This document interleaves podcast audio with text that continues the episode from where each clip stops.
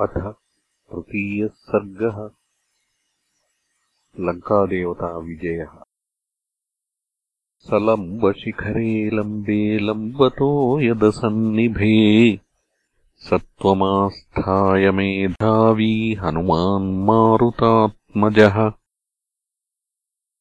निशिलङ्काम् महासत्त्वो विवेशकपिकुञ्जरः रम्यकाननतोयाढ्याम् पुरीम् रावणपालिताम्। शारदाम्बुधरप्रख्यैः भवनैरुपशोभिताम्। सागरोपमनिर्घोषाम् सागरानिलसेविताम्। सुपुष्टबलसङ्घुष्टाम् यथैव विटपावतीम् चारुतोरणनिर्यूहाम् पाण्डुरद्वारतोरणाम् भुजगाचरिताम् गुप्ताम् शुभाम् भोगवतीमिव ताम् स विजृग्घनाकीर्णाम् ज्योतिर्गणनिषेविताम् मन्दमारुतसञ्चाराम् यथेन्द्रस्यामरावतीम् शातकुम्भेन महता प्राकारेणाभिसंवृताम्। किङ्किणीजालघोषाभिः पताकाभिरलङ्कृताम्। आसाद्य सहसा हृष्टः प्राकारमभिपेदिवान्। विस्मयाविष्टहृदयः पुरीमालोक्य सर्वतः जाम्बूनदमयैर्द्वारैः वैडूर्यकृतवेदिकैः वज्रस्फटिकमुक्ताभिः मणिकुट्टिमभूषितैः सप्तहाटकनिर्यूहैः राजतामलपाण्डुरैः वैडूर्यकृतसोपानैः फाटिकान्तरपांसुभिः चारुसञ्जवनोपेतैः खमिवोत्पतितैः शुभैः क्रौञ्चबर्हिणसङ्घुष्टैः राजहंसनिषेवितैः सूर्याभरणनिर्घोषैः सर्वतः प्रतिनादिताम् वस्वोकसाराप्रतिमाम् ताम् वीक्ष्य नगरीम् ततः खमिवोत्पतितान् लङ्कान् जहर्ष हनुमान् कपिः। ताम् समीक्ष्य पुरीम् रम्याम् राक्षसाधिपतेः शुभाम्। अनुत्तमाम् बुद्धियुताम् चिन्तयामास वीर्यवान्। नेयमन्येन नगरी शक्त्या धर्षयितुम् बलात् रक्षिता रावणबलैः उद्यतायुधधारिभिः कुमुदाङ्गदयोर्वापि सुषेणस्य महाकपेः प्रसिद्धेयम् भवेद्भूमिः मैन्दद्विविदयोरपि विवस्वतस्तनूजस्य हरेश्च कुशपर्वणः वृक्षस्य केतुमालस्य मम चैव गतिर्भवेत् समीक्ष्यतु महाबाहो राघवस्य पराक्रमम्। लक्ष्मणस्य च विक्रान्तम् अभवत्प्रीतिमान् कपिः। ताम् रत्नवसनोपेताम् कोष्ठागारावतंसकाम् यन्त्रागारस्तनीम् रुद्धाम् प्रमदामिव भूषिताम्।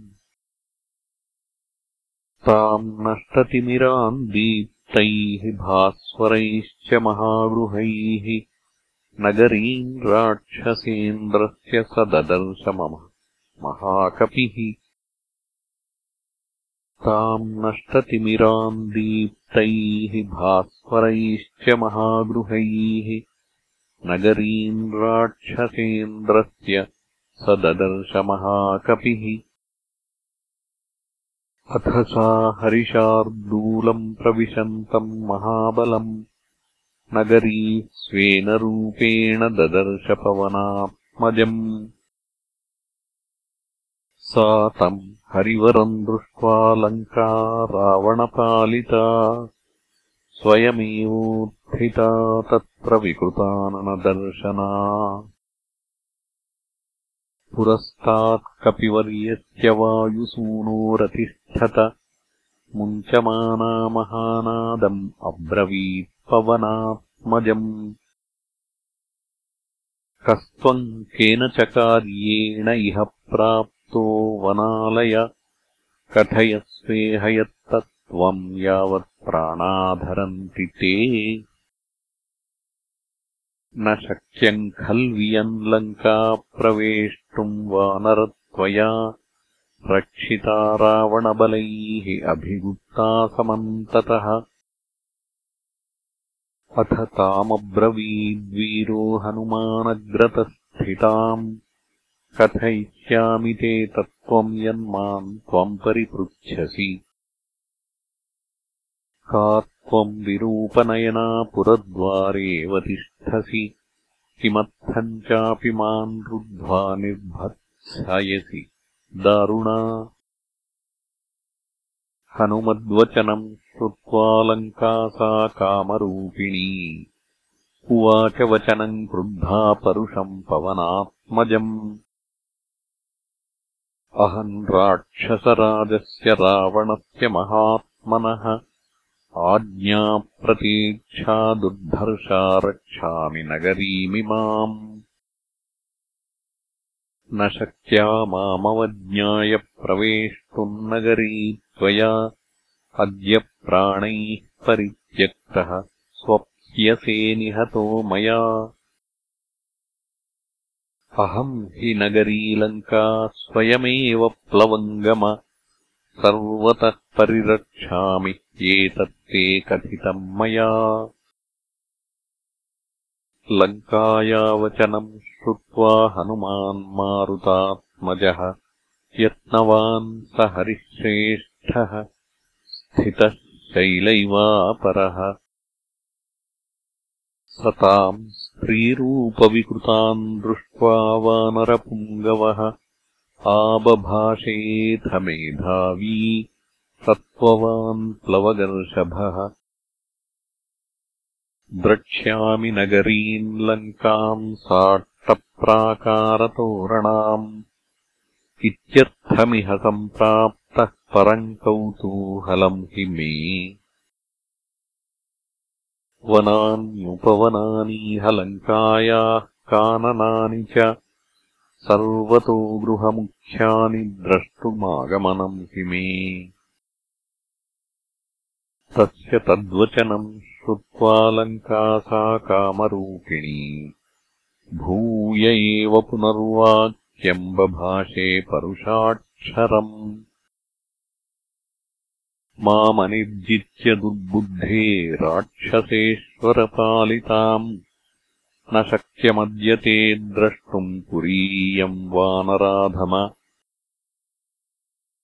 ततः स कपिशार्दूलः तामुवाच निशाचरीम् दृष्ट्वा पुरीमिमाम् भद्रे पुनर्यास्ये यथागतम्। ततः कृत्वा महानादम् सा वैलङ्का भयावहम् तलेन वानरश्रेष्ठम् ताडयामास वेगिता। ततः स कपिशार्दूलो लङ्कया ताडितो भृशम् ननादसुमहानादम् वीर्यवान् पवनात्मजः। ततः संवर्तयामास वामहस्तस्य सोऽङ्गुलीः। मुष्टिनाभिजघानैनाम् हनुमान् क्रोधमुच्छितः। स्त्री चेति मन्यमानेन नातिक्रोधः स्वयम् कृतः सा तु तेन प्रहारेण विह्वलाङ्गी निशाचरी। पपातसहसा भूमौ विकृताननदर्शना ततस्तु हनुमान् प्राज्ञः ताम् दृष्ट्वा विनिपातिताम् कृपाञ्चकारतेजस्वी मन्यमानः क्रियन्तु ताम् ततो वैभृशसंविघ्नालङ्का सा गद्गदाक्षरम् उवाचागर्वितम् वाक्यम् हनूमन्तम् प्लवङ्गमम् प्रसीदसु महाबाहोत्रायस्व हरिशत्रमा समये सौम्यतिष्ठन्ति सत्त्ववन्तो महाबलाः। अहम् तु नगरीलङ्का स्वयमेव प्लवङ्गमा निर्जिताहम् त्वया वीरविक्रमेण महाबला। इदम् तु तथ्यम् शृणु वै ब्रुवन्त्या मे हरीश्वर। स्वयम्भुवा पुरा दत्तम् वरदानम् यथा मम। यदा त्वाम् वानरः कश्चित् विक्रमाद्वशमानयेत् तदा त्वया हि विज्ञेयम् रक्षसाम् भयमागतम्। स हि मे समयः सौम्य प्राप्तोऽद्यतवदर्शनात् स्वयम्भूविहितः सत्यो न तस्यास्ति व्यतिक्रमः। सीतानिमित्तम् राज्ञस्तु रावणस्य दुरात्मनः रक्षसाम् चैव सर्वेषाम् विनाशः समुपागतः तत्प्रविश्य हरिश्रेष्ठपुरीम् रावणपालिताम्। विधत्स्व सर्वकार्याणि यानि यानीह वाञ्छसि प्रविश्य शापोपहताम् हरीश्वर। शुभाम् पुरीम् राक्षसमुख्यपालिताम् यदृच्छया त्वम् जनकात्मजाम् सतीम् विमार्ग प्रगतो यथा सुखम् इत्यार्षे श्रीमद् रामायणे वाल्मीकीये आदिकाव्ये सुन्दरकाण्डे तृतीयः सर्गः